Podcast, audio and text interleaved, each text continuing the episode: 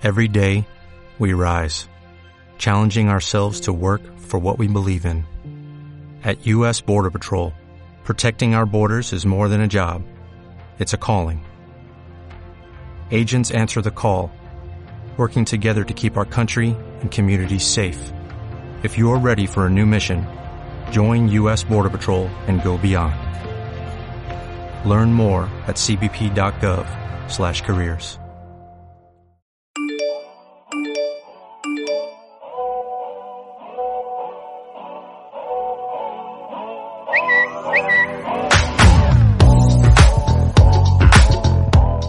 Tenim un culte a la satisfacció immediata que ens ha fet perdre la capacitat d'esperar. Això deia Zygmunt Bauman. L'èxit de TikTok només fa que donar-li la raó. Avui parlem de com les xarxes han segrestat la nostra concentració. Veurem com les grans plataformes digitals capten la nostra atenció. Parlarem amb un sociòleg de Cambridge i intentarem entendre com ens afecten els algoritmes. Això és Ús i Abús de les xarxes socials. Jo sóc Pol Vendrell, amb Meeting Clara Tórtola, i aquest programa s'ha fet juntament amb Emma Zurita i Arnau Inés. Comencem.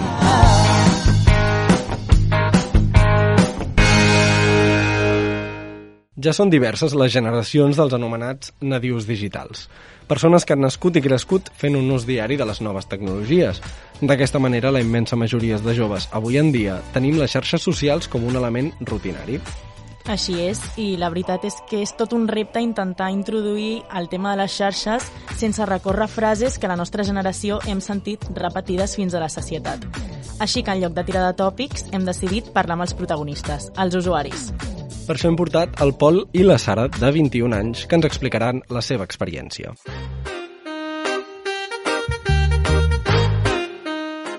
Tenim aquí amb nosaltres la Sara i el Pol. Moltes gràcies per ser aquí, nois. Moltes a tu, gràcies. Pol, per convidar-nos. I tant.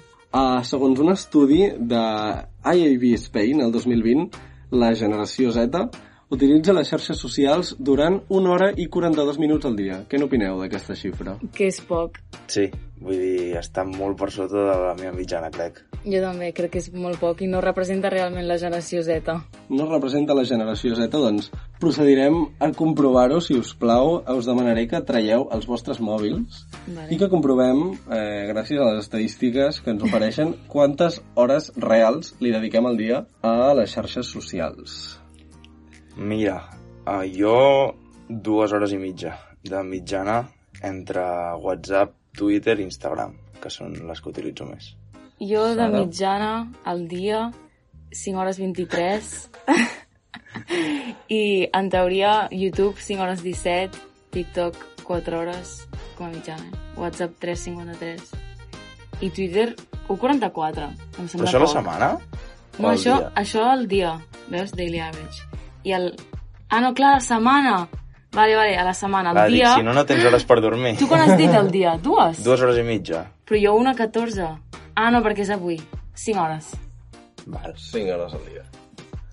Molt bé. Uh, quines xarxes són les que utilitzeu més vosaltres? Aviam. Jo estic completament viciat a Twitter. Vull dir, és la que més em diferència, si no comptes WhatsApp, evidentment.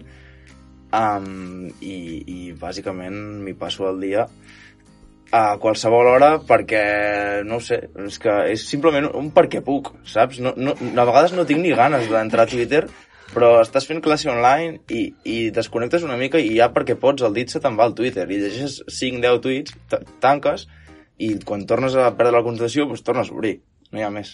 Jo sóc més de, de vídeo, llavors utilitzo moltíssim YouTube, TikTok i inclús Instagram, però Instagram no estic a Instagram, sinó que estic a la, a la part de vídeos que són vídeos de TikTok, o sigui, que realment no és Instagram. I el, el que té de TikTok, que és així una mica perillós, és que eh, quan tu estàs mirant vídeos no veus l'hora. Està com, ocupa tota la pantalla i llavors no la veus. Clar, jo no me n'adono i són vídeos de 60 segons i quan ja n'has fet mm, 30, doncs has estat allà com 3 hores, saps? I és el que més em consumeix el temps. Tu parlaves, uh, Pol, que Twitter, en el teu cas, és una distracció fàcil. Què busques tu, Sara, quan obres TikTok, obres Instagram? Eh, jo una mica com desconnectar. O sigui, eh, no vull veure... Vull dir, si estic fent feina, com deia abans el Pol, d'estar a classe i tal, jo vull veure coses que no tinguin res a veure, que em facin riure, que em facin no pensar en el que visc cada dia, suposo, i, i això, bàsicament, desconnectar. És un, un estímul fàcil?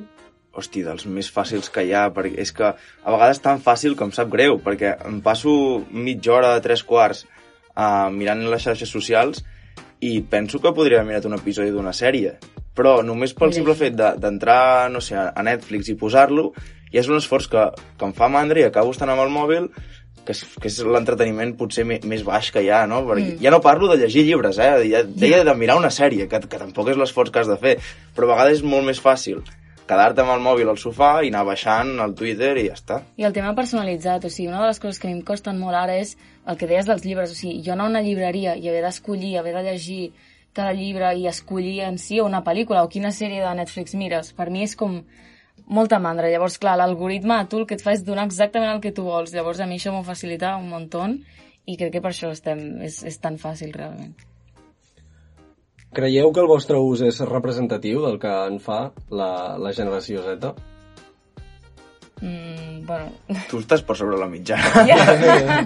jo, tam, jo potser també. Jo, jo, crec, jo crec que o sigui, és que crec que el que ha dit de la mitjana és, és baix, en plan... Sí. O potser perquè ens movem en cercles en què molta gent utilitza molt el mòbil, no sé. I, eh, bueno, finalment, uh, creieu que esteu enganxats? Jo sí que ho penso, però, o sigui, ho penso però sabent-ho també és com que m'ajuda, perquè inclús tinc amigues que fan allò de vaig a un mes, deixo el meu mòbil, en plan, compro un Nokia i vaig a desconnectar, pues, tampoc crec que és la manera. Llavors, jo sé que utilitzo molt el mòbil i que potser hi ha moments que he de dir serà suficient i em gestiono així. Sí, jo vaig intentar posar-me el límit d'ús que, que el mòbil et permet, mm. però acabava saltant-me'l, vull dir, no va ser gaire eficaç, i sí que estic enganxat, sí, i a més a més, a tot, eh? Vull dir, el WhatsApp m'arriba i, i no sé dir allò del contesto després, no, si m'ha no. arribat és com, no, el contesto ara, ara ja està, sí, sí. Fas, estigui el que estigui fent, sempre el mòbil al costat. Doncs moltíssimes gràcies, Pol i Sara, per parlar amb nosaltres i donar-nos aquest eh, testimoni del vostre ús i potser abús de les xarxes socials. Gràcies a tu. A tu.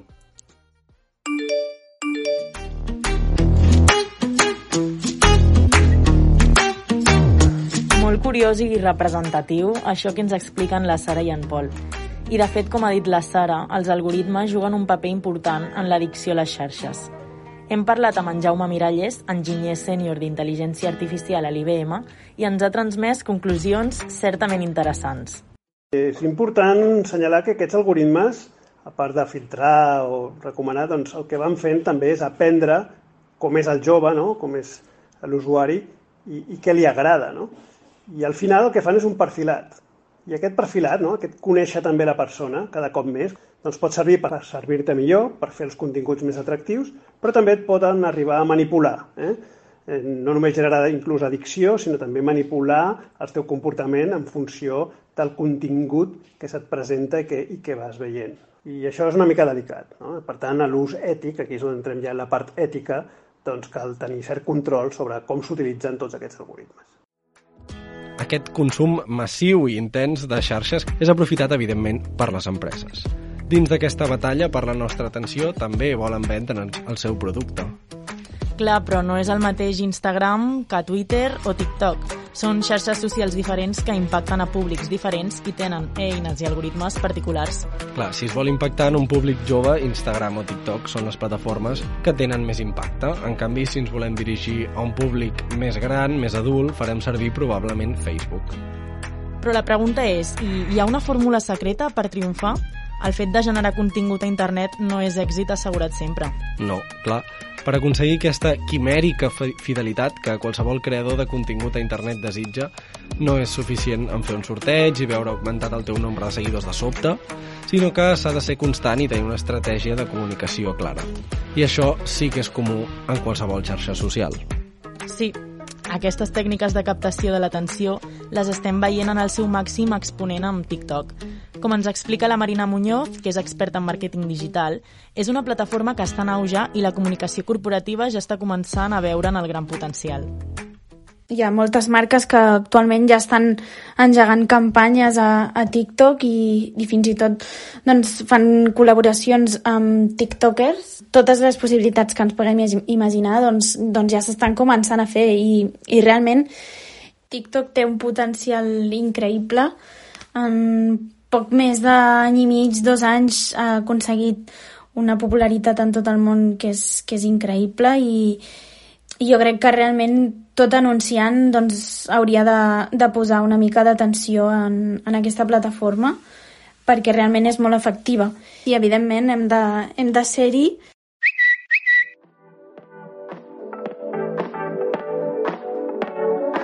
Tota aquesta qüestió, malgrat tot, no pot tractar-se només des d'un punt de vista empresarial.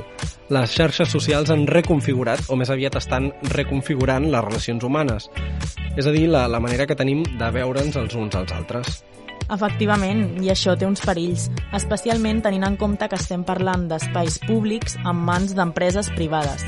Escoltem ara l'opinió d'en Iago Moreno, sociòleg per la Universitat de Cambridge, que ens parla precisament d'aquest tema el proceso más importante a través del cual se convierten en algo muy nocivo en nuestro día a día es cuando dejan de verse como un lugar común y compartido a entenderse como un lugar oligopólico.